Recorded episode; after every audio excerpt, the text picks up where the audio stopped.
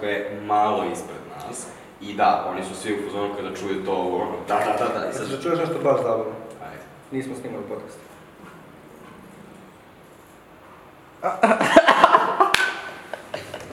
Jebet.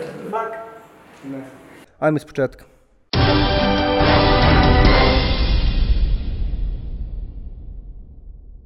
Dobrodošli nazad u Žiška podcast. Danas pričamo o džinglovima. Originalno nismo ni mislili da ćemo uspeti da snimimo celu ovu epizodu. Kada se naša prijateljica Anja Škrba javila i predložila da snimimo epizodu o džinglovima, mislili smo nema tu nešto dovoljno zanimljivog materijala.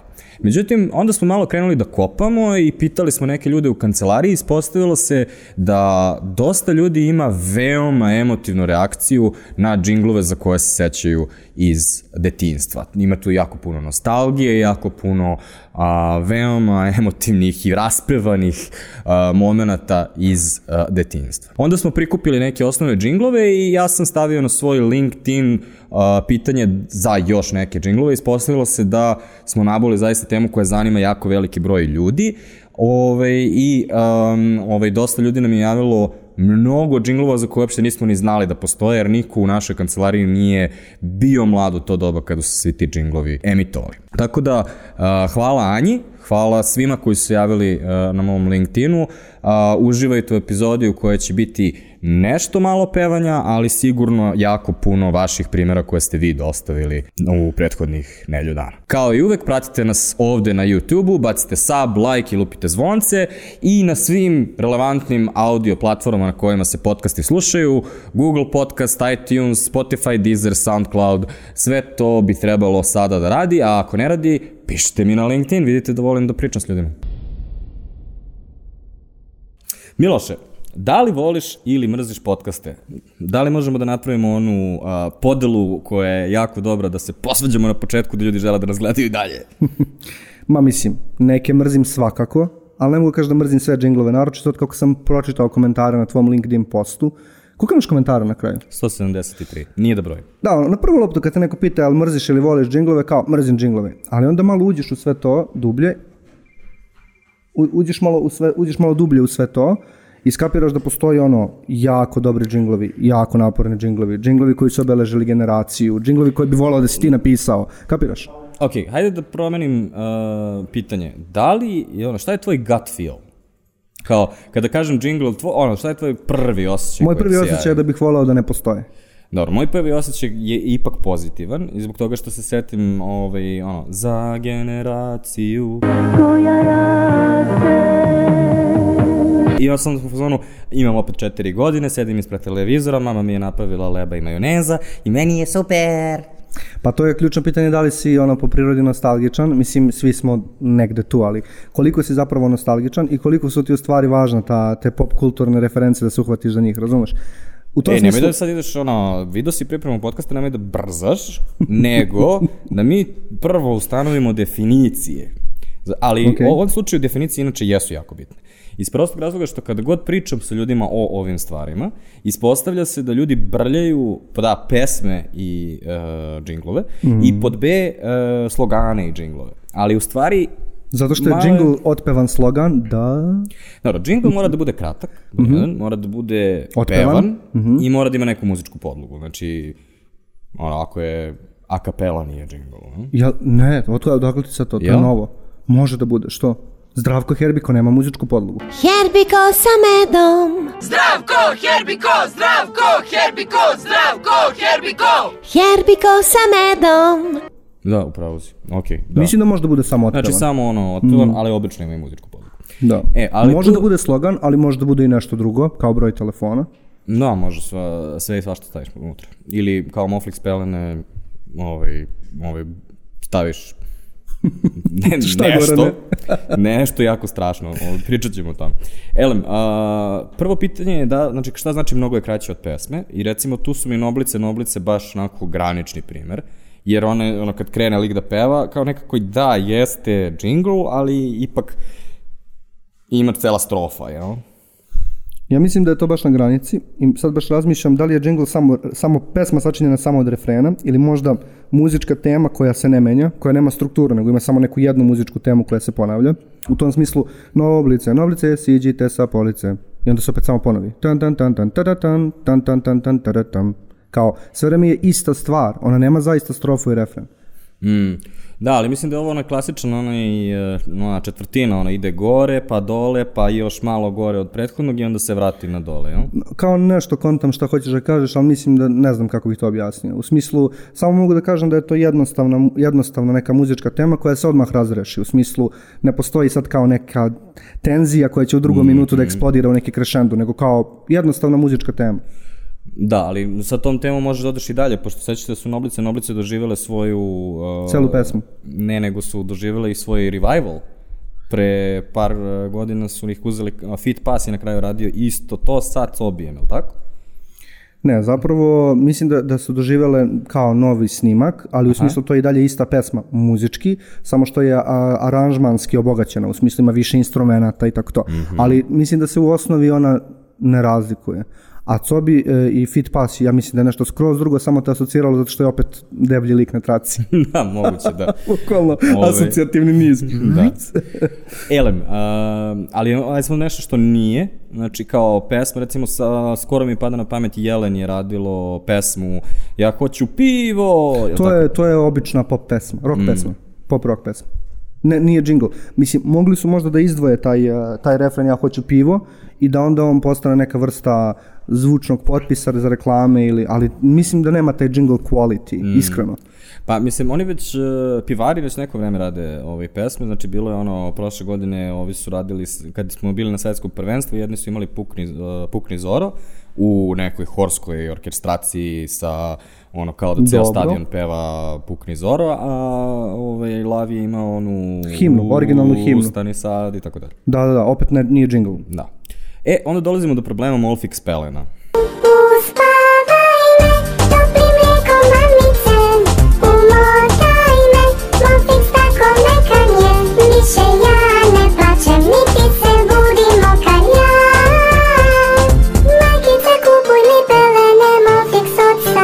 Dobro. Šta misliš koliko Molfix Pelene imaju pregleda na YouTube-u? Pravit ću se da ne znam i da nismo već snimili ovaj deo podcasta. Ne znam, Gorane, koliko. 35 miliona, Miloše. Sad se ti preneraziš. e, ovaj, a, ja sam bio zaista šokiran. Ja mislim da ne postoji reklama u Srbiji. izvini, kako si saznao za te pelene? Tako što mi je neko napisao na... Uh, mislim da sam ovo saznao na internom istraživanju na Slacku. Ove, I kao bio sam u fazonu šta su Molfix pelene, ko je nešto izmislio i onda sam otišao i video 35 miliona pregleda. Ove, I bilo mi jako strašno, zato što uh, prvo to je negde sa početka, delo je kao da je negde iz početka sredine 90-ih, to je po kvalitetu animacije mi tako deluje. I uh, cela fora je da su oni uzeli neku preslatku dečicu koju su slikali, ali onda su ih slikali u, u 5-6 poza i onda su montirali njihove glave na animirane, tako da dečica u stvari kao pričaju i onda te guilt tripuju da kupiš uh, pelene ovaj, u fazonu um, ono, tako su lepe i suve, kupi mi još pelene da ne budem. Ali koliko znam da ne ide tako, bukvalno ne, nisam sad čuo, ali znam. ne, pogubio sam ga skroz, ali moći ćemo da ubacimo posle. Uh, ali, uh, tu je baš onako kao čudno da li je to pesma ili uh, je jingle, pošto u suštini traje 4 sekundi, čak su na YouTube morali da izvrte dva puta za redom. Ovaj, da bi, Da bi zadovoljili da. potrebe gledalaca. Da. Pa dobro, to je očigledno neki internetski mim koji je nas zaobišao. Ne znaš koje je drugo objašnjenje Mhm. za ta 30... Mislim, 35 miliona je baš mnogo. Jest. Ne znam. Jesmo mi ovaj, zaključili šta je jingle na kraju? Jesmo okej s tim? Ne, trenutno smo samo došli do toga da je kraće od pesme, ali imamo drugi problem, a to je da je pevano, a nije izgovoreno. Dobro. Jer recimo, afrička šljiva ne pada. Je li to jingle? Ja mislim da to nije jingle, mislim da to bukvalno izgovoreno ime brenda i slogan, jel da? Ako je ne pa... Ja A, pretpostavljam ninja da je ne pada. kofernjače, i koferče, i koferče. Hmm. Znaš, kao, postoji taj problem toga da u intonacija pravi problem, jer recimo, neizrecivo, meko pecivo, bakin kolač. Kao kada ga toliko ono, on ga praktično otpeva svojom in- intonacijom, međutim, za svrhe ovog podcasta, pošto svi imaju neku vrstu intonacije, onda bi bilo baš heavy Ne, da ne, kao... za svrhu ovog sve- podcasta sve to ovo bi nije sve bilo jingle. To nije jingle, ali možda pozajmljuje neki, neki mehanizam iz jinglova kao, ali nije jingle, okej? Tako je. A, I onda dolazimo do ovaj, a, poslednjeg dela definicije, a to je moramo da napravimo kao istorijsku vezu i ajmo sad ono kao u srednjoj školi, ono kad dođeš na svaki čas kao naš predmet je najbitniji, izučava se od stare antike. Šta misliš kada džinglovi prvi put postaju stvar? Pa moja pretpostavka, pošto sam uradio isto neki research na kratko, ali verovatno je Origin mnogo da, davniji, a moja pretpostavka je nešto kao 50. godine u Americi u advertisingu. Da, 50. godine bi bile u stvari... Možda je to kao zlatno doba džinglova. E, čak i ne, zato što u Americi ako gledaš e, s- njihovo zlatno doba džinglova se u stvari odnosi na predratni period, odnosno na period radija. Jer kao, logično, džinglovi su u stvari najčešće bili na radiju. I znaš e, onaj film Demolition Man e, sa Sandrom Bullock i mm -hmm. Sylvesterom Stallonem? I ko je zlikovac? Dennis Rodman. Silvers... Mm? Ma ovaj bre, sad je u uh, Coming to America. Uh, Wesley Snipes. Dennis Rodman. Rasisto. znači, bože A, dragi. slično je. Ne, ima, znaš zašto me bacili, ima šarenu kosu. Ima šarovnu kosu u tom i, i u suštini, da, folira se da je Dennis Rodman, a iz istog su perioda, ali i dalje, rasisto. Elem, prvo pitanje za Demolition Man je šta rade tri školjke? Ne znaš, jel tako? Hmm, ne zna niko. Ali, drugo pitanje je, sećaš se da je njihovo društvo celo napravljeno da bude apsolutno pacifističko? Da, dobijaju kazne kada pokažu agresiju, ne znam šta. E, a jedan od načina kako su im ukinuli agresiju jeste da su sve, sva muzika je sklonjena i ostali su samo ti džinglovi zlatne ere džinglova koji kao uh, I wish I was an Oscar Mayer wiener i tako dalje. Zato što ne mogu nikoga da uvrede, zato što Da, su da, da. neutralni, jel to? Ali to je u suštini opet vraćamo se na nostalgiju, jel tako? Kao to su u stvari i ono ti džinglovi iz tog nostalgičnog perioda kojeg se sjećamo imamo warm fuzzy feeling oko toga, jel? Pa da, mislim, to je neko zajedničko iskustvo i ono, desilo se u nekom trenutku u vremenu i ti onda kada se prisjetiš tog džingla, ti ne možeš da se prisjetiš njega odvojeno od konteksta tvog vremena, tog vremena, osjećanja koje si tada osjećao, uzrasta u kojem si bio, sa kim si ga sve pevao i ko je sve reagovao na tebe kada ga zapevaš. Mislim da su to sve važni, važni delovi toga. Takođe, pošalje manijaka da uhvati manijaka. Ne znam šta je to. Pa kao zaključak Demolition Mana, to sa Lister Stallone stalno govori. ali kao, sada smo završili Možda kao... ću da rivočam ona- taj film, ali ne, ne znam. Ovaj, ne, apsolutno moraš da rivočaš taj film. Prezabavno je. Između ostalog, nikako mi nije jasno kako je Taco Bell ikada dobio ratove franšiza, ali okej. Ove, um, U stvari, taj film zapravo baš kao oštro kritikuje kapitalizam i advertising, zar ne? Jer kao, zašto bi smestio toliko tih sitnih forica vezanih za advertising? Ratovi franšiza, brendovi, džinglovi. Zapravo nikad nisi razmišljao o tome, ali kao, izgleda da je pisac bio zainteresovan za tu stvar. Pazi, ono, Slavoj Žižek, pa onda, ono, na drugom mestu pisac Demolition Mana iz 80-ih, kogod daje. Ali onako usput, znaš. da, da, da. Ove, elem, um, nije, uh, nije čak ni to ovaj, prvo pominjanje džinglova. Džingl je originalno bio uh, u uh, pesmi srednjevekovnoj kao trubaduri kad su išli od grada do grada. Oni su svi bili poznati po nekom, kao, kao uzrečica ovaj, koje su imali, odnosno ono, taj earworm, odnosno baš ono deo pesme, ne čak ni ceo refren, nego taj deo koji su oni uvek ponavljali, odnosno možda bi moderni pandan bio šta se pije, Ne, tako, Dobro. Kao, to bi bio Cobijev. Znači, hoćeš da kažeš da su grupe Trubadura imali svoje signature kao sounds, to je svoje... Da, oni su imali šta se pije, bukvalno. I kao ti, kao, ono, opet, sa tim. Ove, čoveče. da, da. O, I e, ove, postoji e, tvoj ovaj, omiljeni pisac, šalim se, ovaj, Mark Twain je napisao ovaj, u o, 19. veku um, kratku priču o tome kako jedan džingl, odnosno jedan taj ono, ponavljajući referen preuzima ceo grad, svi u gradu bivaju zaraženi njime i onda kao polude i krenu da se ubijaju, zove se A Literary Nightmare. Distopija, bukvalno, da. Ali, ok, očigledno je stariji od 50 godina, što iz nekog razloga vezuješ kao, kad neko pomene advertising, klasični, a, 50. godine 20. veka, veka u Americi, da, ali ovo je mnogo, Don mnogo Draper, stariji. Lemon, Volkswagen Buba, Da, da, da. Uh, ono, David Ogilvy, svi oni žive od istom, u istom vremenu, u stvari kao između prošlo 50 godina, između njih trojice. Bukvalno, da. Ove, da, uh, ali um, ono što je zanimljivo u stvari je da smo, uh, da, um, da je ceo mehanizam postojao daleko pre radija, mm -hmm. ali ono što je radio doneo jeste ponavljanje do besvesti. Mm -hmm. I kada ponavljaš te earwormove do besvesti, kao što radimo sa reklamama, kao što radimo sa radio hitovima, onda ti oni uđu uz uši i onda ih zapamtiš i uh, onda shvatiš da u slučaju da možeš da nateraš ljude da ponavljaju taj svoj earworm do besvesti, onda je to jako isplativo. Ili zbog toga što će ljudi da konstantno puštaju tvoju pesmu. Hint, hint. Miki Milane. Miki Milane, baš mi ne daš mira. Jel tako?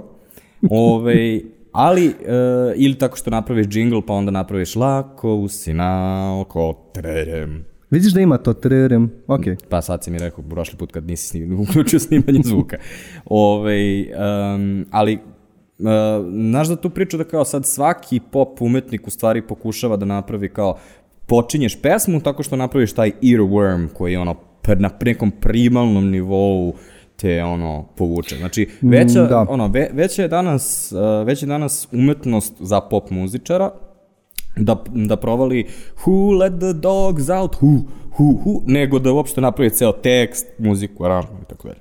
Ma mislim da, ali ono što je meni najzanimljivije u tom celom procesu je ono što može da bude baš kreativno, a i ono što ljude najviše u stvari iznervira, je to neko zlostavljanje jezika, izmišljanje reči koje ne postoje, Mhm. novih uzvika, ali to ide bukvalno na, na jako mnogo nivoa, ono, ne znam, i u domaćoj i u stranoj muzici imaš te bukvalno izmišljene reči, da, ili ovaj umbrella, mm, E, da, e, e. znači, bukvalno to ne postoji u jeziku. I onda neko kaže, što ne bi postojalo, zašto je zabavno? U stvari, ta sloboda, ta igra je ona inspirativna.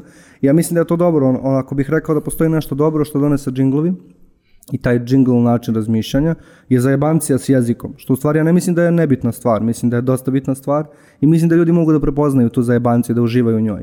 I zato i rade tu stvar, zato mm -hmm. učestvuju, učestvuju u smislu pe, pevaju ponovo. Da, ali to je ono što je takođe jako teško za pogoditi kako valja. To ako, da, imam osjećaj da ako failuješ to, samo si baš mnogo failovao, mm -hmm. a kao, kako, ne postoji nauka iza toga, kako možeš da znaš da li će se nešto primiti ili neće. Pa ne možeš da znaš zasigurno i ne postoji nauka, ali postoji umetnost toga. Mm -hmm. Ove, I e, tvoje te, tvoj mozak u stvari pamti sve te džinglove isto kao što pavi i pesme. Znači, ti u suštini ne možeš da uh, razdvojiš umbrella ako čuješ Rijanu kako izgovori od e, e, e kao umbrella, e, e, i kao, ono, bukvalno nema šanse da izgovori, da tvoj mozak, ti možda nećeš izgovoriti e, e, ali tvoj mozak mora da otpeva to do kraja. Sure. E, e sad, isto tako i kada imaš ono jingle, um, recimo ja i dalje znam posle, znači 25 godina, ja i dalje znam Cipiripi pesnicu cijelu. Iskreno mislim da misliš da je znaš, ali kao znaš princip, Cipiripi, Čuklidi lišniki, i slatki bimbini, je vilin di jedin. Zar nije... Cipiripi. Cipiripi. Ne, kako kaže? Uh, tu, tu jedino ne prestaje da peva. Ali zar nema, ono, zar, a nema nečeg, ničeg lepšeg od Cipiripi? E, jeste, zazna se. A, Jesus Christ, rekao sam ti, misliš da znaš, ali znaš u stvari logiku, ali ne znaš tačno i to je okej. Mm. Pa dobro, da, vidiš, nije savršen. Ali, ono, ako radi toliko dobro u smislu, ako radi, ljudi pamte, ako im ponavljaš dovoljno, što onda sve nije jingle, kao to je sve što marketari ikada žele, jel? Pa to ti je ono svođenje marketinga, advertisinga na neku najosnovniju funkciju, kao, to je bukvalno ra- razmišljanje na nivou svaki publicitet je dobar publicitet, kao najbinarnije moguće. Ako će ljudi da zapamte tvoju poruku, to znači da je uspešno. Ne, zato što postoji, hajde da razložimo tu stvar, postoje veoma kompleksne poruke, postoje veoma jednostavne poruke. Džinglovi su dobri u tome da obezbede da svi ljudi ili bar veliki deo populacije, zapamti neki mali komad informacije, na primjer, ime proizvoda, neku osnovnu vrednost i broj telefona, na primjer. Ali ako želiš da ispričaš i ole kompleksniju priču od toga, a svi znamo koliko su priče koje advertising pokušava da ispriča postale kompleksnije tokom vremena i danas su izuzetno kompleksne, ako pogledamo kampanje koje gledamo svaki dan na televiziji, čak i za vrlo svakodnevne proizvode, džinglovi jednostavno nisu alat koji može da postigne to. Ne mogu da komuniciraju tu stvar. Misliš, previše su jednostavne. Previše, su, to je mala kapsulica informacije, to je to. Ali mislim da za ljude koji nisu verzirani u advertisingu moramo da im objasnimo onda koliko, u sušt... ono, šta čini dobar brand, zaista. Dobro. Jer ljudi ne kontaju, mislim, ljudi se bave advertisingom dosta dugo i ne kontaju tačno šta je brand. U smislu, kao brand bi trebalo da bude ono što je oko proizvoda, sve što je neopipljivo, uh, Pa da, razne značenje. vrednosti, uverenja, značenja, Da, i emocije. teorija brenda je u stvari da mi nemamo vezu sa mrtvim stvarima, odnosno nemamo vezu sa konkretnim proizvodima i da niko od nas ne može da sudi o komadu metala ili na osnovu konjskih snaga i tako dalje i onda meni uvek padne uh, moj ćale na pamet koji je mašina celoga života obožava automobile i čovek vozi Dacia Logan. Mislim, Meni ja, to ima ja, smisla. Ja kad kažem da vo- vozi Dacia Logan, ja mislim on živi religiju Dacia Logan, pošto ono, to je najbolji auto ikada napravljen po njemu, zbog toga, i sad to je ono, ako sedneš možeš dva sata da ti priča o tome. Ali, cela poenta je da, postoje neke stvari koje su u tom proizvodu bile cool i onda je takođe kao on usvojio gomilu drugih stvari i izgradio iz toga brand za njega. E sad, Uh, u, u slučaju Dacia mislim da je to bilo uglavnom implicitno, ali postoje brendovi koji to rade eksplicitno, kreiraju tu svoju auru oko sebe. Najpoznatiji trenutno na svetu je Apple, koji je ono, i takođe jedna od najvećih kompanija na svetu, koja je uspela svojim komuniciranjem da ljudima ob objasni da je jako, jako cool i da morate da imate njihov novi telefon čim izađe i bacite stari iako ste ga platili 1000 evra. Sa druge strane, recimo, pošto smo imali na početku Zdravko Herbiko, kao nešto što je dobar pandan bi možda bio Dav, koji mm -hmm. već decenijama se vezuje za osnaživanje žena, body positivity, um, to, su, ono, to su reklama za reklamom koja, ono, uh, šta znači da udaraš kao devojčica ili bacaš kao devojčica, ili onaj sketch artist koji crta na osnovu tvojeg opisa i na osnovu opisa a, tvoje drugarice, tvoje lice, pa ti onda kaže evo kako te drugi vide, kako ti sebe vidiš i tako dalje. Udaraš kao devojčica je drugi brand, ali ok, ista je point, to je always. Um, A. da sve sem, sve, sve sem toga jeste da. Ali da, poenta je to su priče koje jingle jednostavno ne može da ispriča ili bi bio veoma dugačak jingle i loš u suštini. Ali suštinski takođe ne može da ispriča, to je u stvari bitnije, zato što ono, takva poruka ne može da se prenese u pevljivom formatu, to je ono, to su oni razgovori kada priđeš nekome i kao pogledaš ih u ono, dead square u oči i kao u fazonu si sada ću ti reći nešto jako bitno. I kao, to se govori na, na totalno drugačiji način. Ali zato što mislim da je e, bitna ona poenta koju smo se dotakli malo pre, a to je da džinglovi, e, ne, džinglovi imaju uvek dozu autoironije i uvek su zajebavancija. U smislu nisu možda bili istorijski, ako gledam, ne znam, srednji vek i dva, e, početak 20. veka, ali ako pričamo o, o modernim vremenima u kojima mi sad živimo i radimo, džingl je uvek zeza, igra, mm -hmm. I, i, a, i u tom smislu on ne može da prenese neku važnu poruku. Kada to radi, onda on nije jingle, onda je on komentar na jingle, to jest kao meta format i tu mi pada na pamet uh, Dumb Ways to Die. Dumb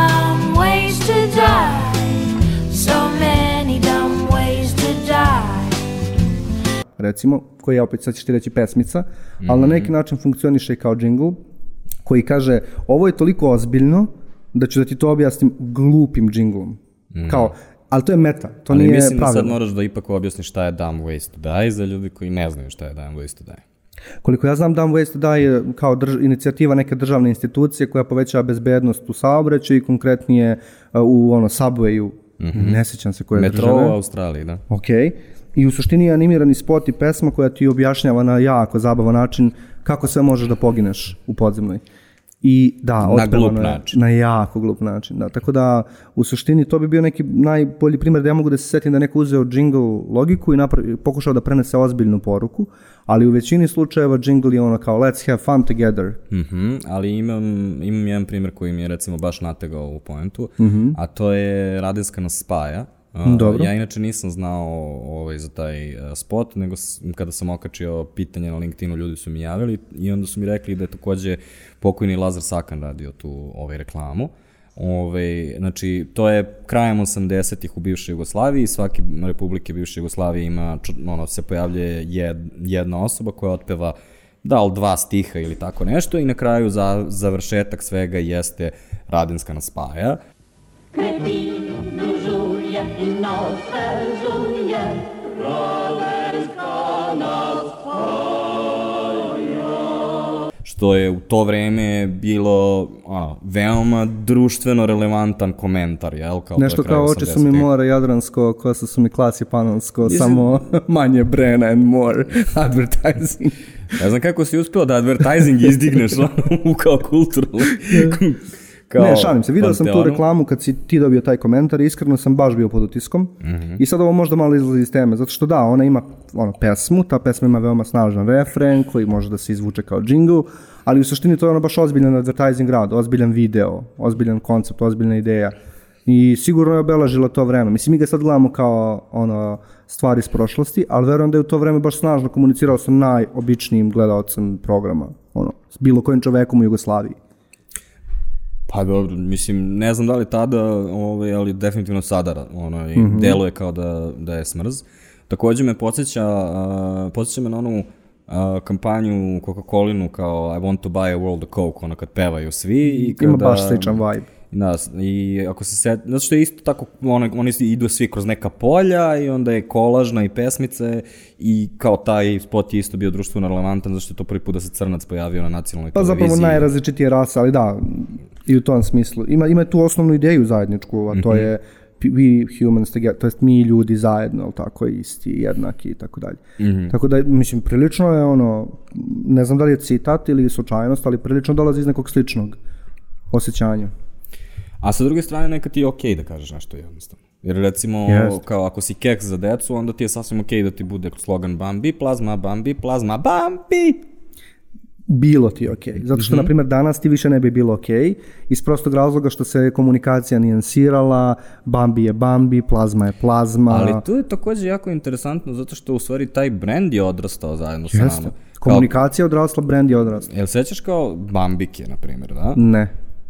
A sećaš se Bambike, to je ona devojčica koja je bila na plazmi, to je bio veoma big samo deal. nisam znao da se zvala tako. Mhm. Pa kao Barbika, Bambika, Dobro, dobro, kontaš, dobro. Kapi- fora. kapiram sve.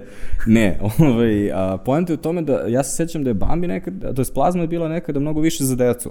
Kao sada kada smo svi toliko odrasli, toliko je svugde oko nas, nekako je kao, Mislim da ranije nije, nije bilo toliko ljudi koji su navikli da ono korist, ono, odraslih koji su kao jeli plazmu. Kao pla, ono, plazma je sad bukvalno on staple svake kuće, ono, moraš da imaš ono, plazmu, vodu, mleku, Coca-Cola i kao leba. Ono, to je- Jeste, definitivno više nije brand koji može da se ono fokusira na to da ljudi zapamte Bambi plazma. Mislim, ja mogu da zamislim da je tad bilo važno da se te dve stvari izgovore zajedno, ali danas jednostavno posle toliko komunikacije, posle toliko kampanja, i apetiti u smislu komunikacije su porasli. Onda opet Mm. jingle ne može da uradi taj posao, znaš.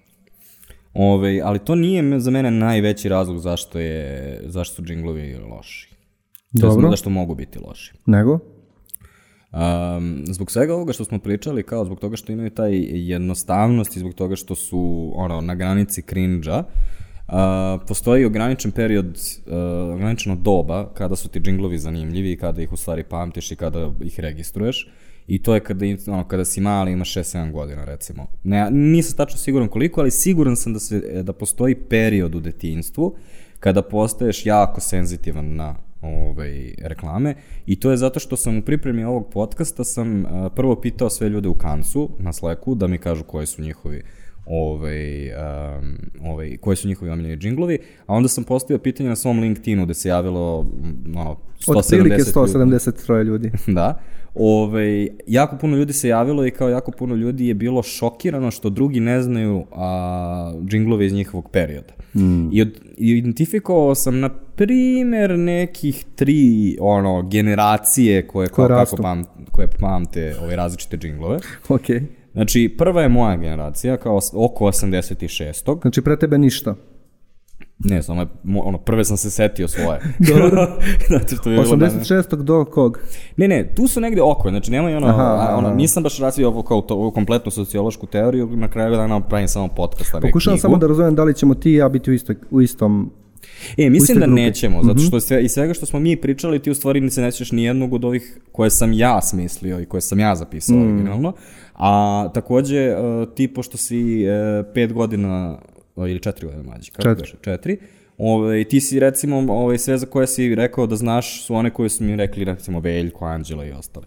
Tako da mislim da si u drugoj kohorti. Mm. Ove, ti si Gen Z, ja ću biti Gen Y ovde. Znači, bole me krta.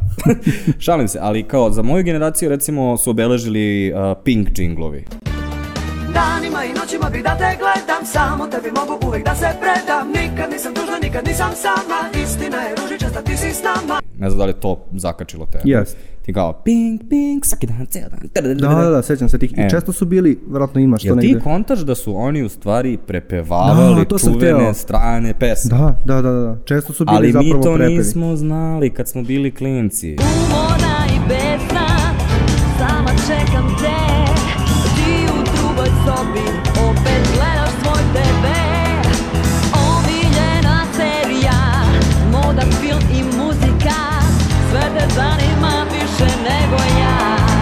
Samim Mi smo prvi bitno. put ono, ono, znali da je ono, kao, mi smo znali da je danima i noćima bi da te gledam da je to kao Konga, kao Gloria Stefan. I kao, A- ali- bukvalno su nam podvalili foru. Ja se ne osjećam prevaran, ja sam u fazonu, ok, neko je osjetio taj trenutak, video taj džep i ono, kao, uleteo. Tako da skroz mi je to ok, nisam se nešto kao osjetio ovaj, loše zbog toga. I Čak sad- mi je zabavno. Mm, Mislim, ne što- ulazim u pravnu stranu toga, to ne razumem. Nije mi jasno kako je to moguće. E, to su bile 90. na politici smo gledali Matrix uh, dan posle prem, svetske premijere, znači, ono, Ok. it was a weird time, ok? ovaj, nego, ovaj, ta generacija, to su otprilike džinglovi kao ovaj, Simka, ovaj, Simka nam je napravila Simčeta, ovaj, Sećam se kao malo, ali više se sećam E. šta to rade Kravica i Simča, što mislim da je ipak posle došlo. Ne, to je bila serija cela, znači ima, šta to rade Kravica i Simče? Ispred bombonjere punjene, nešto nose. Kako ne znaš to? To bukvalno sad, evo, kroz maglu mi se javio I oni to, nose znam, onako animirani. E, ali I to je, im neka- to je fazom bilo pet godina kasnije. Da, Bukvalno da. da, eto, no, džing, evo jednih serija džinglova koji su preživeli i kasnije. E, ali postoji, e, postoji generacija posle 90-ih Mhm. i e, to su e, Dobro jutro džezveri, koji su sad poslednja stvar koja je bila To mi zvuči kao baš skor, skorašnja stvar. Mhm. Pa jeste skorašnja stvar, ali kao, ovaj, um, druga bi bila uh, kra, uh, tak, kreker krekerizma. To je malo starije. Jeste, ali kao bukvalno, ono, ja kad sam pričao s ljudima u mojem godištu su pozvano, "A?" To spada jeste u neke... stariji od džezvera definitivno, ali... U, mo, u mojoj knjizi to spada u neke svetle primjere. Ili kafe, kafica, između ostalog nisam imao pojma da je to to. A, kao ja nisam pojma, imao pojma da je to ono, jingle kao prvi put čujem kao šta je kafe, kafica i onda sam seo sa ljudima koji su kao mlađi i kao dobre kafe, kafica i odu na i sad sećaš se kako smo imali pobedu 35 miliona pregleda? Ovo je bolja pobeda a to je postoji 10 hour version neko je napravio 10 sati kako pevaju kafe, kafica i možda pustiš to 10 sati ima 40.000 pregleda Kafe, kafica, kafe, kafica, kafe, kafe, kafica, kafe, kafica. Respekt, brate. Dakle, respekt gospodine koji ste se setili da napravite ovaj, taj video koji ćemo linkovati dole. Ovaj, ali to su otprilike ti neki kao ono, stari, ono, mlađa generacija u odnosu na mene. Ja, ono, znači, postoje generacije, ne kažem koje su tačno, samo postoji ono, taj neki prozor u kome moguš da te zakače jingle da misliš da je cool. I onda, onda dinosaurusi i komunizam. Dobro. Ovaj, I slano i slatko, i zove se kratko, i glopekabe. To mi, ono, sve mi zvuči kao da, to je sigurno bio jingle, ali to baš ne znam. To mi je, ono, Znaš šta je fora? Ovaj, bukvalno pogledaš prvi put i fazonu si, ja vidim prvi put. Pogledaš drugi put i onda kao, au, Znaš, onako kao vraćati se ono pre nego što si počeo da pamtiš sebe, mislim da sam vidio ovo negde na onom matorom TV-u, onom koji je bio kao, ono, kuglo. To ti je kolektivno recimo- nesvesno koje se prenosi sa kolena na koleno, tako da moguće da se sećaš toga, ono, through the jeans.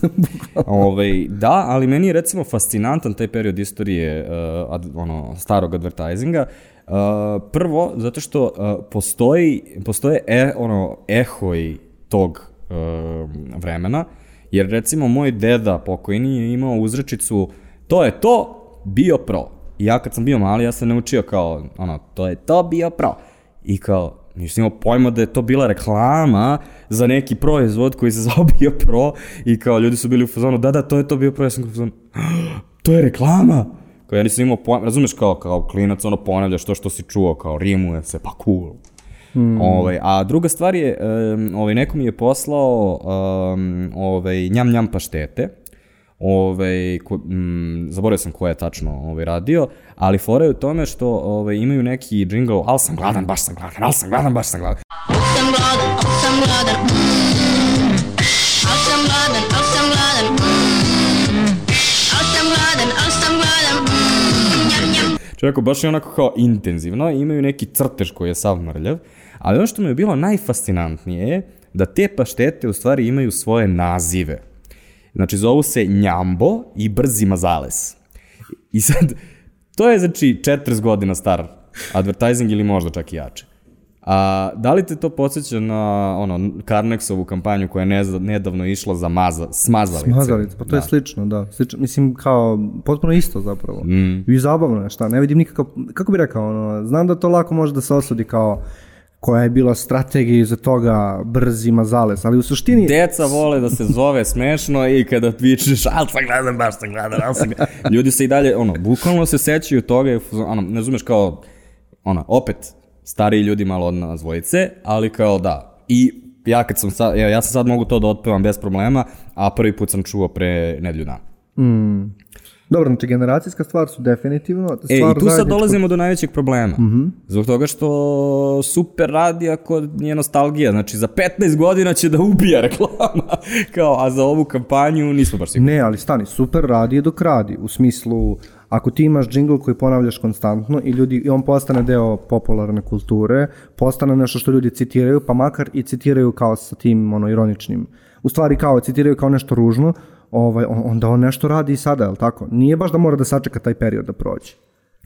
Zavisi na kome, znači on, onda je, ono, zaključak je u tome da kao niko od nas ne može da se seti oni, oni onih, um, niko ne može da se seti džinglova kad smo bili tinejdžeri, jer smo tada po prirodi, ono, sarkastični, ironični i mrzimo ceo svet. I kao, ako želiš da nam se obratiš, onda nećeš da nam se obratiš džinglom, zato što kad smo klinci, onda smo u fazonu, ove, ide zmija kroz šumu, znaš, ono, samo mogu da kao lamašem ručicama i da skačem ispred TV-a. To je ta vrsta, ono, bezrazložnog entuzijazma koji kao imaš kad si mali. Očekaj, ovo mislim da je važno.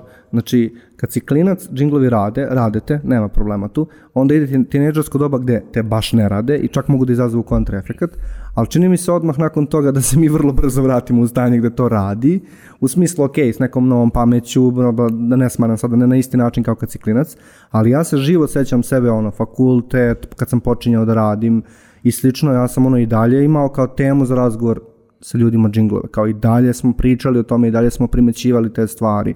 Nervirali su nas loši primeri. Mislim da ti nisi najbolji primer zato što si se od uvek prirodno interesovao za advertising i komunikacija, mm. to nije normalno stanje svesti. Mm. Ove, ali pitanje je da li radi ili ne radi, mislim da može da se kao dalje razlaže sada, ali ono što uh, mislim da jeste jedan od zaključaka definitivno postoji ono period kada si ono kako za mal, za klince kada ti je veoma dobro da se baziraš ono da baziraš svoju komunikaciju na džinglu. I, znači, to je sad fora koje smo, ono, svi ovi dečiji brendovi koje smo se mi ovaj, setili, ovaj, a, ali takođe postoje i trenuci kada svi podetinjimo. Da li ti je nešto, ono, koja ti, koji ti period godine je ono, kada svi smo, ono, a, da, da, Hoću kažem nova godina, ali možda ne gledaš na to. Da, tako je. Nova godina je odlično vreme za džinglove. Mm. Najpoznatiji džingl Coca-Cola u Srbalja ikada. Nisu počeli praznici dok ne počne da se peva Praznici nam stižu, praznici Bože, da, nam da, stižu. da. To je bukvalno ono, postoji neki lik na Twitteru koji mora u novembru da izjavi ovaj tweet koji sam upravo rekao, a to je nisu počeli praznici dokle god ne čujem praznici nam stižu i onda znamo da je počela nova godina i da možemo da pustimo ovo, ovogodišnju sam kampanju za čuo zvona kad si krenuo da pevaš. Čuo sam ono tačno kako ide ta melodija, kako ona kreće, kako se pojačava. Ob obeležen sam bukvalno. Ja mislim da je zbog toga, ovaj, ja, ja sam u fazonu da Coca-Cola nikad ne bi trebalo da promeni pesmu kao, ono, znam da svake godine imamo novu pesmu na globalu, ali kao u fazonu sam ne, u Srbiji do kraja sveta treba da bude za Coca-Cola praznici nam stižu praznici. I onda ono, jedne godine hor youtubera da svi oni zajedno pevaju, druge godine ono, Tiktokeri. na, na, ne nego kao na, ovi što su od- ono, do, o- dobili Euroviziju, onda ovaj, dečiji hor Leontinin i tako dalje i kao svake godine neko drugi da peva praznici nam stižu A da li ti pamtiš nešto, ja se sad bojim da ću ja nešto da kažem i ti ćeš reći to nije nikad postojalo, Mhm. ali pamtiš li nešto što je bukvalno zvučalo kao ks, ks, čik, čik, Da. i ka, šta je to bilo? Mm, Jel to, bio, to je, mislim, bukvalno bila radijska reklama za Coca-Cola. Možda. Mislim, bilo, ono, oni su imali celu globalnu kampanju za, sa tim, Ne, ali to je bilo baš davno, tipa... mm, ali ovo što si sad rekao, definitivno pamtim, ali sad smo upravo napravili jedan, a, ono, odličan uvod u to šta ne radi. Mhm. A to je, problem je u tome što ljudi zapamte džingl, a ne zapamte proizvod. Odnosno, izvini, ali za koje kafu je kafe, kafica? Za kafu kafica. Ako, ako se ta kafa ne zove kafica, ja mislim da oni treba da on bukvalno z, prestanu da se bave ovim poslom. Jel se sjeća, ovaj, što ne Jel mislim da se zvala, uh, mislim da se zvala kafe kafica. što dobro. Ali, uh, pitanje, uh, se sjećaš čuvene reklame uh, slovo to nešto si tela? Da i ne, ne znam koja je kafa. Nikad, uvek sam zamišljao da je Grand kafa i kao u mojoj glavi to je Grand kafa, u stvari neka Linux M. Bukvalno, jako sam lupio. Da, to je toliko bila dobra reklama da se sva kafa rasprodala, odnosno nisu mogli, odnosno toliko dobra reklama da se sva kafa rasprodala, da nisu mogli da nabave sirovine da, da prode, i firma je propala, jer je toliko dobra. A, a jel se sjećaš kako se zove? Denik. Zato što sam ja istraživao ovo sranje. Ja se Oh, pripremam za podcast Lord. zbog vas. Ja sam prilično siguran da je Denik povećao, ku, po, ovaj, povećao kupovinu i Grand kafe, recimo. Jer kao, Apsolutno, nema da. šanse da znaš, čoveče. Mm. Ove, To je baš problem kada neko napiše mnogo, tekst koji je mnogo više od onoga što je bio zadatak, jer slovo T nešto si tela je ono previše. To je isto Dobro. bilo rediteljsko rješenje na samom snimanju. Nije uopšte Improvizacija, nije bilo napisano. improvizacija. Ludilo. Pa kad imaš Seku Zablić, možeš i da improvizuješ, mislim. Pa izgleda, da, da. Ove, uh, Ali dobro, vratimo se na problem džinglova. Zapamtiš ga, ali ne znaš za šta. Jesam dobro ukačio. osim, onda šta je rešenje? Da staviš ime proizvoda u džingl.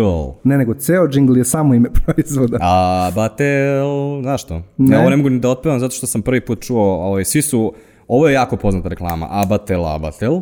Najmanje plaćam, a pričam najviše Granice širim za nove poslove Napokon mogu da zovem unuke Abatel, Abatel Aha. Ove, I ja nisam čuo do tada tu reklamu, ali ono, veoma puno ljudi se javilo da zna šta je i da je veoma cringe. Um, ali uh, još jedan primjer za to mi je Ahorgoška uh paprika, što ne samo da su ovaj, stavili Horgoška i paprika, što je zajedno ime brenda, nego su stavili i ono, ključni prednost brenda, a to je, postoji slatka paprika, što je ah paprika, i postoji ljuta paprika koja je uh paprika. Bio bi baš ponosan da sam to napisao. Apsolutno. Možemo da zatvorimo agenciju ako ikada imamo nešto toliko cool kao otpevano ah Horgoška, uh paprika. E, a ovaj, e, nešto mi je sad palo na pamet i sve vreme se ono, vrtim u glavi oko toga, a to je, m, postoje neke stvari koje su danas jako kao buzzwords, Ka- kako to da prevedem, Uh, ono kao mnogo korištene fraze u advertisingu, a, a moglo bi se pomešati sa, sa džinglom, a nisu džingl, ali imaju neke sličnosti. I pada mi na pamet baš zbog ovoga Abatela, si pomenuo Abatel i slično, Mnogi brendovi danas imaju nešto što se zove zvučni logo, to jest zvučni potpis, to jest audio logo. Da li to u tvojoj glavi, tipa ne znam, ono, pada mi na pamet milion, ono, kao milion ideja, obično telekomunikacione usluge. Prva televizija ima svoj onaj, ting, ting, neki, neku stvar. Ajde, Coca-Cola ima tan, tan, tan, tan, tan. naravno, imaš Imaš Intelov čuveni, ovaj, je, kao, ne, to ne mogu ni da otpevam. Mastercard ima neki svoj kling koji se desi. M- e, Mac, McDonald's šta? Aha, Ne, aha, aha. ne znam da to kao se peva. I'm loving it. Ne, ali ima, ima zvučni potpis pre toga. Aha, ima neki, ne neku stvarčicu koju uradi i takođe IDJ Videos. Zar ne? To bi bio zvučni logo. A, i, potpis. misliš što bi, jesi ti radio traku? Ili Young Proto on the Beat. Da. Ove, da, sa jedne strane da, um, ove, a sa druge strane to je malo varanje, odnosno pokušavaš da koristiš sve tehnike kao džingla, a sa time da ne dobiješ nikakav downside džingla, odnosno ne dobijaš taj cringiness, nostalgiju i tako dalje, zbog toga što ne pevaš ništa, ne pokušavaš da preneseš nikakvo znanje, znači ne kreveljiš se i onda kao da, ljudi su zapamtili da je ta, ta, ta, ta, ta, aha, je Coca-Cola, ovaj, ili ako krene IDJ videos kao, aha, znam to, i kao, ali nema onda tu toliku pamtljivost, jel tako? Kao, radi na nekom malo još primalnijem, ono, instinktivnom nivou. Jer recimo, taj zvučni potpis ne radi to, ono, ti ne kreneš odmah kao da pevaš kao Simka nam je napravila Simčeta, ono, u Ne, glavi. ali ga se U glavi setiš. nis, ali I recimo... ne možeš da ga reprodukuješ, to je razlika, ja mislim. Da, da. I kao ti možda ono na nekom, ne, tipa u stomaku negde osjetiš zvučni potpis, ako ga baš primetiš. I sad ja, ove, ja sumnjam, recimo zato što smo sad pričali, evo, znači McDonald's sigurno smo služ, čuli milijardu puta, Mhm. Ali kao ja ne mogu da ga, ja ne znam u glave koji je i ne znam da li bi odreagovao na njega. E sad, pošto Mhm. radimo Coca-Cola, onda kao znam tačno koji zvučni potpis, mogu, znam koje su note. Ove, A kako zvoni a- Nokia? Um, ali jesi sigur... Mm, Ja znam kako zvoni. Ne, ja znam onaj teredere, teredere, teredere, te, ali nisam siguran, mislim da je od dugo vremena u stvari njihov zvučni potpis bio ono kada se kada upališ staru Nokiju pa se ruke spajaju i da je tu bilo nešto Jeste, neki kao, neki kao a. t, da bio je neki zvuk koji u stvari bio zvučni potpis a onda su oni skontali da im je taj teredere, teredere, teredere, da je to postalo daleko po, daleko više ljudi vezuju za Nokiju Da, da. Tako da eto, znači u suštini ovo, imali su zvučni potpis koji je failovao u odnosu na njihov uh, jingle. Strava. Šta još imaš na svom štreberskom spisku najbitnijih fenomena A koje nismo treba ni objasniti? zagrebali. Znači nismo ni počeli. Ovaj, na primjer, postoji drugi razlog zašto je, uh, zašto je uh, loša taktika. Mhm. Suštinski, um, jingle nije konsenzualan. Odnosno, ti, ti kada, kada koristiš jingle, ti ulaziš nekome u glavu i ono, um, veoma je agresivna taktika suštinski i onda to je jedan od razloga koji, ono, koji nervira ljude, koji su u fazonu ovaj jingle mi ne izlazi iz glave i onda je ono, pitanje kao da li Ali želiš ti, da, da evo ti imaš to i da li... Znači, ti prvo čuješ džingl, onda ga zamrziš. Onda pitam ja tebe, jesi čuo ovaj džingl? I onda mi ga zajedno otpevamo. I onda imamo to komunalno iskustvo. Ti i ja još 20 ljudi. Na kraju dana, da li je to pozitivno ili negativno? Moram da te uh, izbacim iz uh, Adlandije. Ovaj, Adlandija, to ti je zemlja advertisinga. Jasno, jasno. Ovaj, uh, I normalni ljudi nemaju razgovore kao što je da li si čuo ovaj jingle, hajde da ga otpevamo zajedno. To se ne dešava u stvarnosti, to radimo samo mi koji radimo u advertisingu. Ali, ovaj, recimo, um, ovaj, nedavni primer koji je jako podelio ljude. Jel se sećaš VIPNet porodice? Da, Što je opet više pesma. Ne na način da mogu da otpevam. Više Ni ja. kao sećam se vajba, sećam se bita, sećam se kako je to sve izgledalo. Ali ne sećam se reči, recimo. Mhm, ali takođe zbog toga što je kao ono uvek si na granici cringe i ono moraš da budeš na granici cringe da bi ljudi ljude primetio jer kao ne smeš da budeš pretenciozan. I onda je pitanje ono za gomilu ljudi ta mislim meni je super ta reklama recimo. I kao mislim da je sigurno dobro odradila posao u smislu ljudi su je primetili, stoga znaju da postoji VIPnet, good job. Do mene kao neformalno stigla neka informacija da je ta kampanja dobro performovala. Što god to značilo, iskreno. Ali nije mi teško da poverujem u to.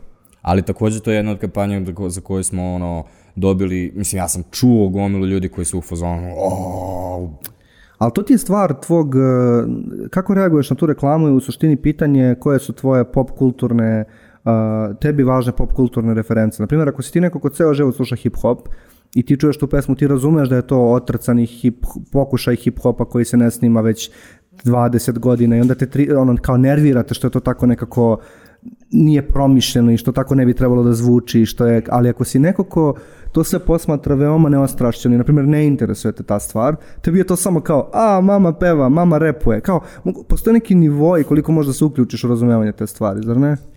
Da, takođe je pitanje, um, pitanje je zbog toga što je to bilo skriptovana reklama. Znači, ja mislim da bi bukvalno bilo bolje da su na početku imali onaj uvod youtubera koji je u fazonu uh, sada ćemo da pustimo pesmu koja je blago ironična.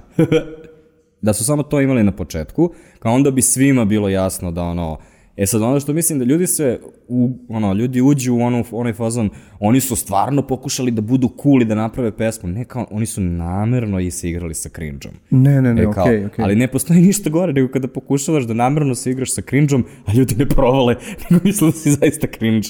Ali zato što, svi, e, zato što nam nije svima bitno na istom nivou. Ja znam ljude kojima je to samo bilo simpatično. Nisu uopšte dobacili do tog ironičnog Ej, to je momenta. problem, kao, imaš i ljude koji onda ne kontaju da postoji problem za cringeom, nego zaista shvate ozbiljno.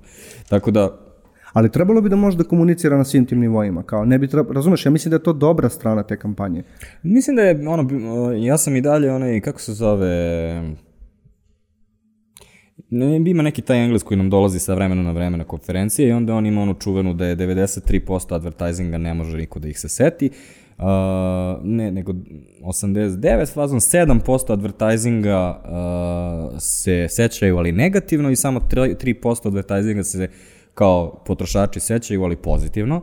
Koji je najgori? Najgori su ovih 90 i nešto, ili to je 80 nešto što se niko ne seća, Mhm. kao ovih što 7 što su negativni, pa bar su pola uradili kao u smislu sećaju se.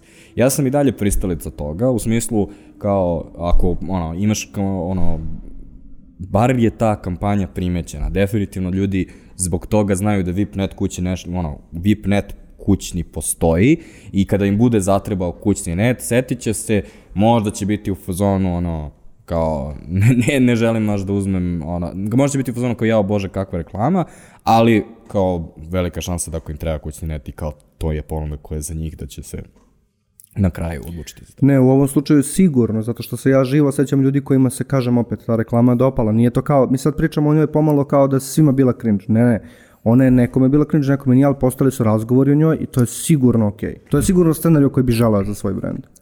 A, ali postoji, sad moram da pričamo o apsolutnom masteru ove, um, ovaj, odnosno uh, majstoru ovog zanata. Dobro. Ko je najbolji snimač džinglova, odnosno kompozitor džinglova, odnosno i, no, čovjek Ne, koji, ko je čovjek koji pravi džinglove? ćeš da Kako se kažeš Mićko? Da. Kad hoću da sednem, fotelja Numanović. Kad hoću da dvosednem, dvosed Numanović.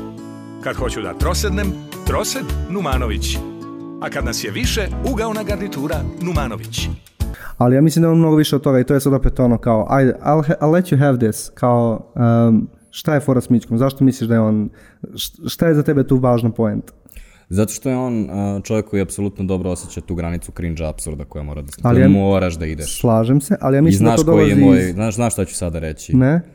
Kada hoću da dvosednem, Dvosed Numanović. Ali ja mislim da je stvar jednostavnija od toga. Ja mislim da je on čovjek, on i njegov tim, jer ja ne znam strukturu njegove agencije, ali ja mislim da su oni sjajni pisci. U smislu, mislim da na jednom veoma osnovnom nivou razumeju kako se priča dobra priča i mislim da jako dobro barataju jezikom i da, između ostalog mislim da pišu sjajne džinglove, ali mislim da, bi, da je fair napomenuti da je, da je to bukvalno postalo žanr za sebe. Mhm. Postoji čak taj meta moment, ti kad čuješ, sad ćeš ti ja kažeš, ti opet živiš u Atlandi, ali kad čuješ Mićkov, Mićkov rad, ti znaš da je to to i ti si spreman da popušiš stvari koje inače ne bi prihvatio. Tačno ili netačno? misliš zato što je Mićko? Da. Um, ne. Ja mislim da bi Numanović da je došao sa drugog mesta mogao da bude A, ono, pakao. Da, ali nemoj zaboraviti da Simčeta koji je isto gradio Mićko sam ovaj, zapamtio kad sam bio mali, nisam imao pojma ko je Mićko. Hmm. Dobro. Ne, svakako, ono, kada pomisliš na radio u širem smislu, na radijski advertising i kad pomisliš na radijske džinglove, ali ne samo džinglove i sad mi prolazi toliko radova kroz glavu, da, to je Mićko kao jedan čovek koji je obeležio celu tu stvar. Definitivno. Ove, um, ali suštinski kao ono što, kažem, on je complete package, u smislu on je stvarno bio namešten da bude ono majstor tog zanata zbog toga što ono pisac je, razume ovaj, um, ono, komunikacije, zna da svira i ono, peva, kao sve to čini da on je idealno pozicioniran da može napraviti dobar džingl, ali opet ono što mislim da radi ono, baš van serijski jeste taj osjećaj za absurd. Mm. I ono, taj osjećaj za absurd Da, je kao on zna da se odličan. zajebavamo, mi znamo da se on zajebava, svi se pomalo Da. smejemo dok to slušamo, jel da? Jeste. I ovaj, recimo, ovaj, drugi primjer za to mi je uh, Jugo drvo.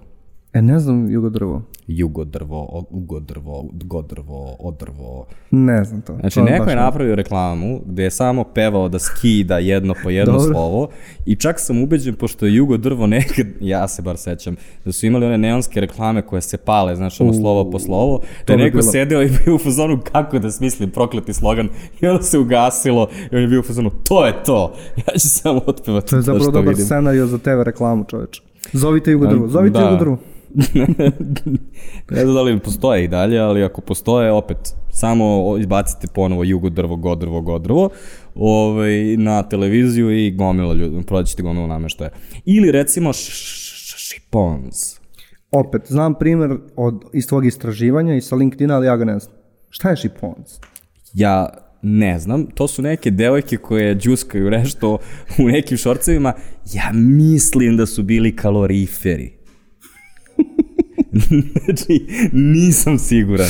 Ali, evo, i dan danas se sećam da je bilo š- š- š- š- šipons. E, ali znaš šta ti ne uzimaš u obzir sve vreme, Gorane? Ali sad sam to shvatio da je baš čudno. Ja nisam odrastao u Beogradu i znam da ovo nije sad, Au. nego čisto da ti objasnim. Ja sam odrastao u Užicu i ogroman deo mog mozga i mojih kapaciteta za pamćenje džinglova su doslovno lokalne, najlokalniji, lokalni, najlokalniji džinglovi. I onda meni nije ostalo toliko, razumeš, mesta na hard disku za, za ove nacionalne. Tako da, mislim da zvoniš. Tako da ovaj, treba to uzeti u obzir. Dosta stvari ne znam upravo zbog toga. Ali to je ono čisto da pomenem na lokalnom nivou, na lokalnim radiostanicama, a kad živiš u manjem gradu slušaš lokalne radiostanice, imaš lokalne radio zvezde i tako dalje. Ne znam da li možeš zamisliš celu tu stvar, ali kao to je cijel jedan mali svet i kao u ogromnoj meri kao ti si fokusiran na to. Tako da ono, Ovaj, Postoji e, to. Mogu, ali nećeš verovati, to actually postoji i u Beogradu. dobro. U smislu, um, ovaj, uh, ja ovo ne mogu ni da otpevam. Ovaj, um, ovaj, um, ima iza kuće jedna krava. Nemoj to da pevaš, to je baš, to je baš komplikovano. Moramo da pustimo to. Mm, ubacit ćemo, mislim da ćemo bukvalno da ubacimo taj audio s- zapis moramo, u ovom da. delu. Mhm. Iza kuće jedna štala, iza štale jedna krava, iza krave nema ništa, sledi drugi stih. Jedna koka snela jaje, druga koka ne zna šta je, treća koka dobra juha, radio pingvin. Ovaj, em, to je bi išlo na radio Pingvinu. Znači, ja ne mogu da, ono, ja, ja sam bio u fazonu, ovo je savršen copywriting, zato što taman uhvatiš red i onda ti dođe nešto absurdno što te, ono Opet što te vodi sa strane. Da, da. I kao, kad završi tih turbo, ono, 15 sekundi, bukvalno, ono, kao bam, bam, fora, fora, fora, kao na kraju, pop, radio Pingvin. I znaš šta se ispostavilo? Ovaj, uh, tvoj uh, prijatelj, moj poznanik Nebojša Krivokuća se ispostavilo da je nekada davno radio na Radio Pingvinu Da, da, i da, radio to je- te to je reklame. Mm. Ja nisam imao pojma. Ja možda grešim, ali ja tu čak i čujem njegov glas. Mhm. Tako da to je, e, to je genijalno i opet nas vraća na poentu Umbrella, Ela, Ela, E i absurda, absurda u najmanjem smislu izmišljanja jezika i absurda u širem smislu na nivou značenja. Ogroman broj džinglova funkcioniš zato što su absurdni, zato što nemaju smisla i zato što te ostavljaju s tim kao ono, osjećajem, zar ne? I onda dolazimo do poslednje, ono, do tog problema, ono, o, kao cringe je u očima onoga koji gleda, a to je pionir seme sve raste oko mene. Znaš šta je? Da. To je ono, relativno skoriji, zbog čega moramo, kao što smo rekli, zbog toga što je skoriji, moramo malo da uvatimo, aha, ipak malo da smanjimo. Mislim da si pogrešio li, lyrics ponovo, u smislu mislim da je Pionir Seme pravi raj za mene ili tako nešto. Ne, mislim- imaš, imaš i jedno i Aha. drugo kao pionir seme, sve raste oko mene, pa onda je drugi pionir seme, sve, raj, raj, raj za mene. Dobro. Ovaj, cringe ili ni cringe? A mislim, cringe. Ali šta su mislili ljudi koji koriste pionir seme? Pošto, ono, nas dvojica smo postali ljudi koji mogu da pretpostave to, jel da? Ok, pretpostavka je da je sa njima to nekako rezonovalo, ali meni deluje onako malo, Mm. ah, ne znam, pošto kao cela ideja s tim džinglom je da je on kao, on ima, stru, on je kao narodna pesma, zar ne? Mhm. Tako zvuči. Da, da, bukvalno zvuči kao nešto što bi Miroslav Ilić ono, izbacio. Ma mislim, verovatno je rezonovalo. Ove, ja opet ono, nisam siguran koliko je ono, to tačno, skeptičan sam prema tim argumentima koji se uvek završavaju na a, vi ste Beograđani, vi to ne razumete, jer ja sam u fazonu, ne, ne, ja sam veoma svestan da sam Beograđanin, takođe sam sa same periferije, ali ovaj, a, kao veoma sam svestan i onda se kao trudim da isključim taj čip, I onda posle tog čipa i dalje ostane nešto ono kao, ne, ne, nisu ono, zemljoradnici ipak toliko blesavi da im bude cool ovako. Ovo je možda bitna poenta da možemo da pričamo o advertisingu i snishodljivosti Mm. u najširem smislu. Koliko često advertising posmatra svoje recepi, e, ljudi koji primaju poruke, advertising poruke, kao potpune kretene. I u stvari... Ne baš kao potpune kretene, ovaj, nego da posmatraju ceo razgovor kao da se dešava u potpuno kretenskom ovaj, kontekstu. Mm. I ovaj, ža, ona, za ljude koji trenutno slušaju, a, ja imam veoma blesavu facu i malatim rukom. Znači, nekada ti vidiš copywritera koji je bukvalno u fazonu, hehe, hehe, jel da da je dobra fora koju sam sada napravio? I kao, to je ona kada recimo u, na društvenim medijima, ljudi napišu post i onda stave onaj winking emoji na kraju, kao, kao jel da da je ovo fora što sam sada uredio? Jel da, jel da, jel da? Mm. Kao, do, ono, dobar kopi koji zaista ono, komunicira sa ljudima ne može da komunicira na taj način, ono kao he he, he he, jel da, jel da? Kao, mislim da je to, nije kao da, ih, da, da, da smatraš ovog drugog totalnog idiota, nego nekako smatraš da je tvoj cilj kao ono, neko ko piše tu foru, nije da zaista pričaš sa pravom osobom, nego da ispuniš neki kriterijum koji smo mi postavili u advertisingu za ono što je možda prođe, odobrit će klijent, Mm. znaš. Ne znam, ja samo, e, moj utisak je generalno da je jingle uvek klizav teren u tom smislu, Mm. da pomalo pretpostavlja da smo svi malo manje sposobni da razumemo stvari nego što jesmo i da je to ponekad ok kada deluje kao da je da su svi sa istim tim raspoloženjem ušli u to, u smislu, to je u stvari dobro pisanje, a ponekad deluje kao daj, nemoj me ono predstavljati kao, i, kao kretena. Sigurno se nekad čuo da ljudi tako reaguju na, na radijske reklame koje jako recimo gaze po nekim stereotipima koji čak su možda i potpuno zastarili, mm. uopšte više nisu aktuelni ili barem deluje tako. Tako da mislim da je to jedan, jedan od eh, klizavijih kao aspekata ove cele, ovog celog razgovora. Jeste, a ovaj, nešto što smo takođe propustili, znači u tom nekom generacijskom smislu, kao mnogi brendovi koji se uspinju da budu cool i da s- budu ono, fokusirani na tinejdžere i onda ako rade jingle ili pesmu, onda kao epic failuju. Ove, recimo uh, Magic Teen, da li znaš šta je? Ne? A, negde u 90-ima javili su ljudi, a sad pazi ovo, znači ovo je ista generacija džinglova kojoj, uh, kojoj ja pripadam, znači ja bi trebalo znam ove džinglove, međutim s obzirom da je bio za tinejdžera, ja tada sam bio daleko od tinejdžera, ja uopšte nisam registrovao ovaj džingl. I to je Magic Teen, Magic Teen, sigurno bubuljice nestaju sa njim. Magic Bean. Ah, yeah. Magic Bean. Come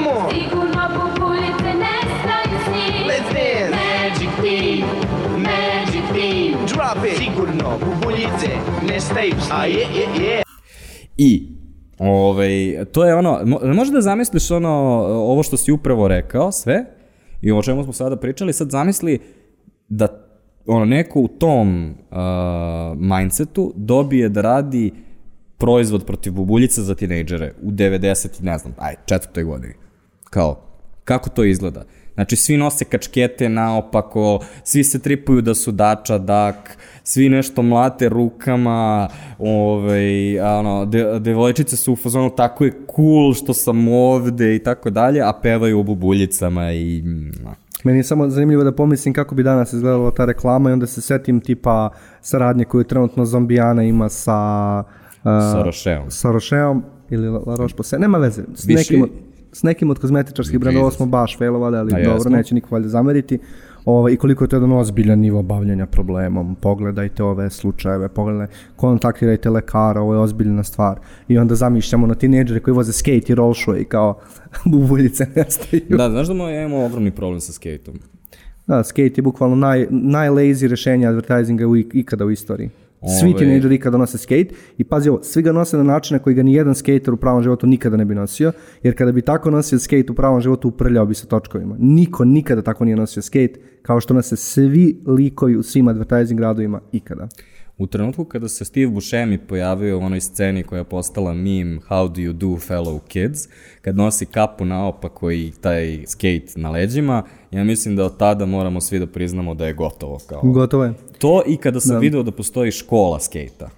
Mm. Kao, postoji škola skate. Ne, ako postoji škola, it's not cool anymore, guys. Mm. Kao, stop. Kao, čekaj.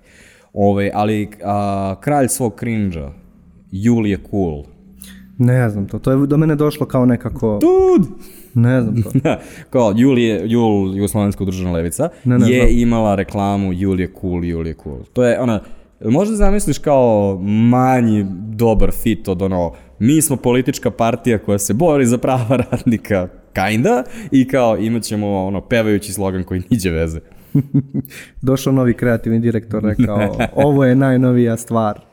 Dobro, hajde onda da, da presudimo džinglovima sada. Počeli smo sa time voliš ih ili mrziš.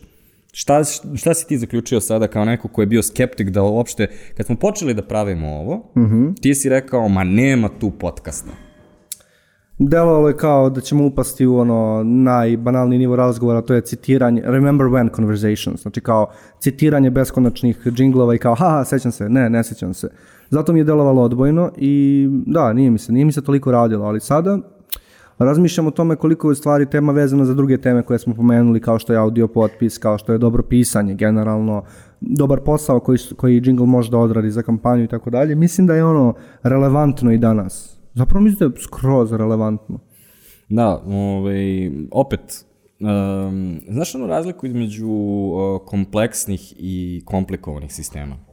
Znam da postoji, ali ne bih umeo da, Um, da objasnim. Kao, o, recimo, najbolji primer za to ti je uh, vre, ono, predviđanje vremena, odnosno vremenska prognoza. Kao problem sa, uh, vreme, ono, sa klimom je u tome što je uh, ovaj, kompleksan sistem. Znači, veoma mala promena inputa može da uh, kreira ogromnu promenu u rezultatu.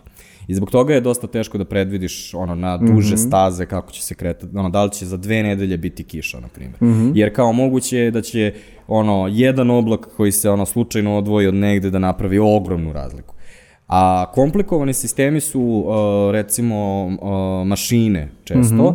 koje kao možda imaju gomilu delova sitnih, Ali, ali, radi istu stvar. ali ako ono povećaš za tri, ovde će da iz, ono, na kraju ćemo da imamo neku promenu koja je komparabilna.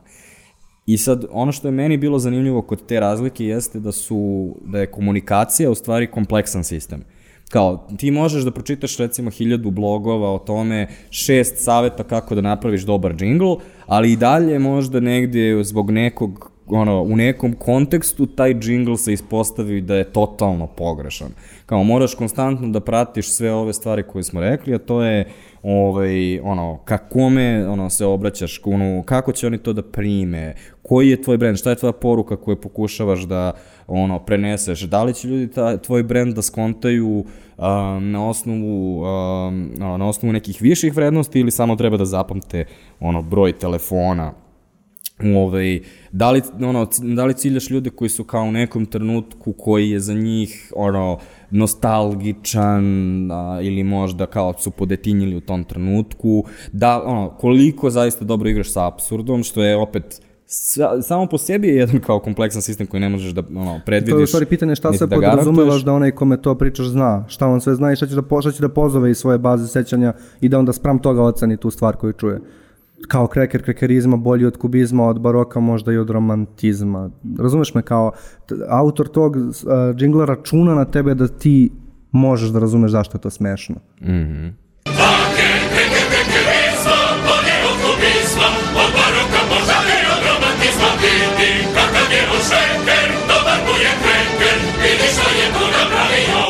Ali da, Tako da. to je definitivno kompleksna stvar i ja sam siguran, na, na primjer, da ti i ja ne bismo mogli da smislimo dobar. U stvari, volio bi da probamo, ali mislim da ne bismo mogli da smislimo dobar jingle.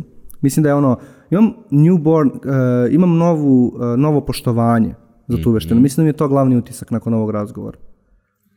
Ne, mislim da definitivno je ono uh, umetnost za sebe. Mm. Um, ali um, i dalje postoje i dalje mogu da vidim da ono da bih mogao Ono, da vidim mogu brendove koji bi imao ovo recimo koristilo u nekim trenucima. Kao deo da? njihove šire Tako komunikacije, je, da. da. I ne bi se klešovalo nužno sa drugim stvarima koje ti brendovi rade. Znači od sada radiš sve podcaste koje ja predlažem? Ne. Zdravko, Herbiko, Zdravko, Herbiko, Zdravko, Herbiko! Herbiko sa medom!